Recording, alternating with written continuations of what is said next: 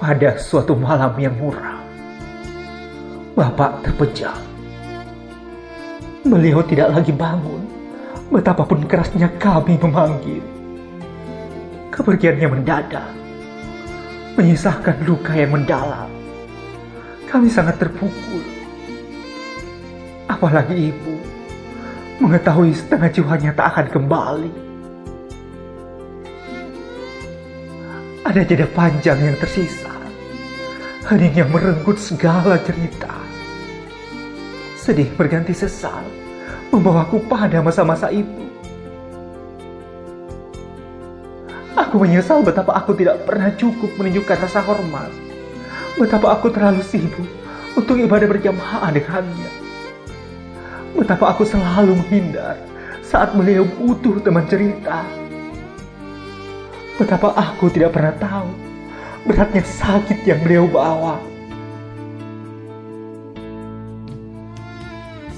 Padahal bapaklah yang berjuang sekuat tenaga agar aku mampu bersekolah setinggi yang aku bisa. Bapak yang banyak membunuh mimpi-mimpinya hanya agar kami bahagia. Sebersit kerinduan bersemi di hatiku yang hancur berantakan. Aku rindu Bapak. Aku rindu melihat beliau bercanda dengan ibu. Aku rindu melihat beliau menasihati adikku. Aku rindu mendengar beliau bercerita mengenai hidupnya. Aku rindu mendengar sahdunya ayat suci yang terlantun dari bibirnya. Bolehkah sehari ini saja aku menangis?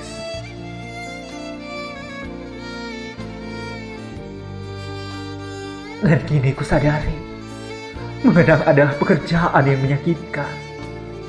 Terutama jika yang kita kenal adalah seseorang yang teramat sangat kita sayangi. Dan tidak bisa lagi kita temui. Namun, akan lebih menyakitkan jika kita harus melupakan. Karena Bapak pernah bilang, seseorang tidak pernah benar-benar pergi selama kita masih menyimpannya di dalam hati.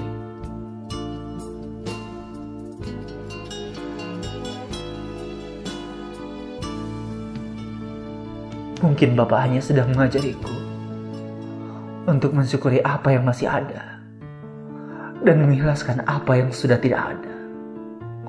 Tuhan selalu menguji umatnya agar naik kelas. Bukan sebaliknya. Aku percaya itu. Sekarang aku dan keluarga aku sudah mulai tersenyum lagi. Terbiasa dengan ketidakhadirannya. Kami tidak melupakan Bapak. Kami hanya sedang menyadari bahwa beliau tidak pernah benar-benar pergi. Kesedihan akan terus berkurang dan berkurang. Hingga akhirnya hilang. Semua butuh waktu. Tapi hati yang hancur akan kembali pulih. Cinta takkan pernah habis. Meski wujud telah habis.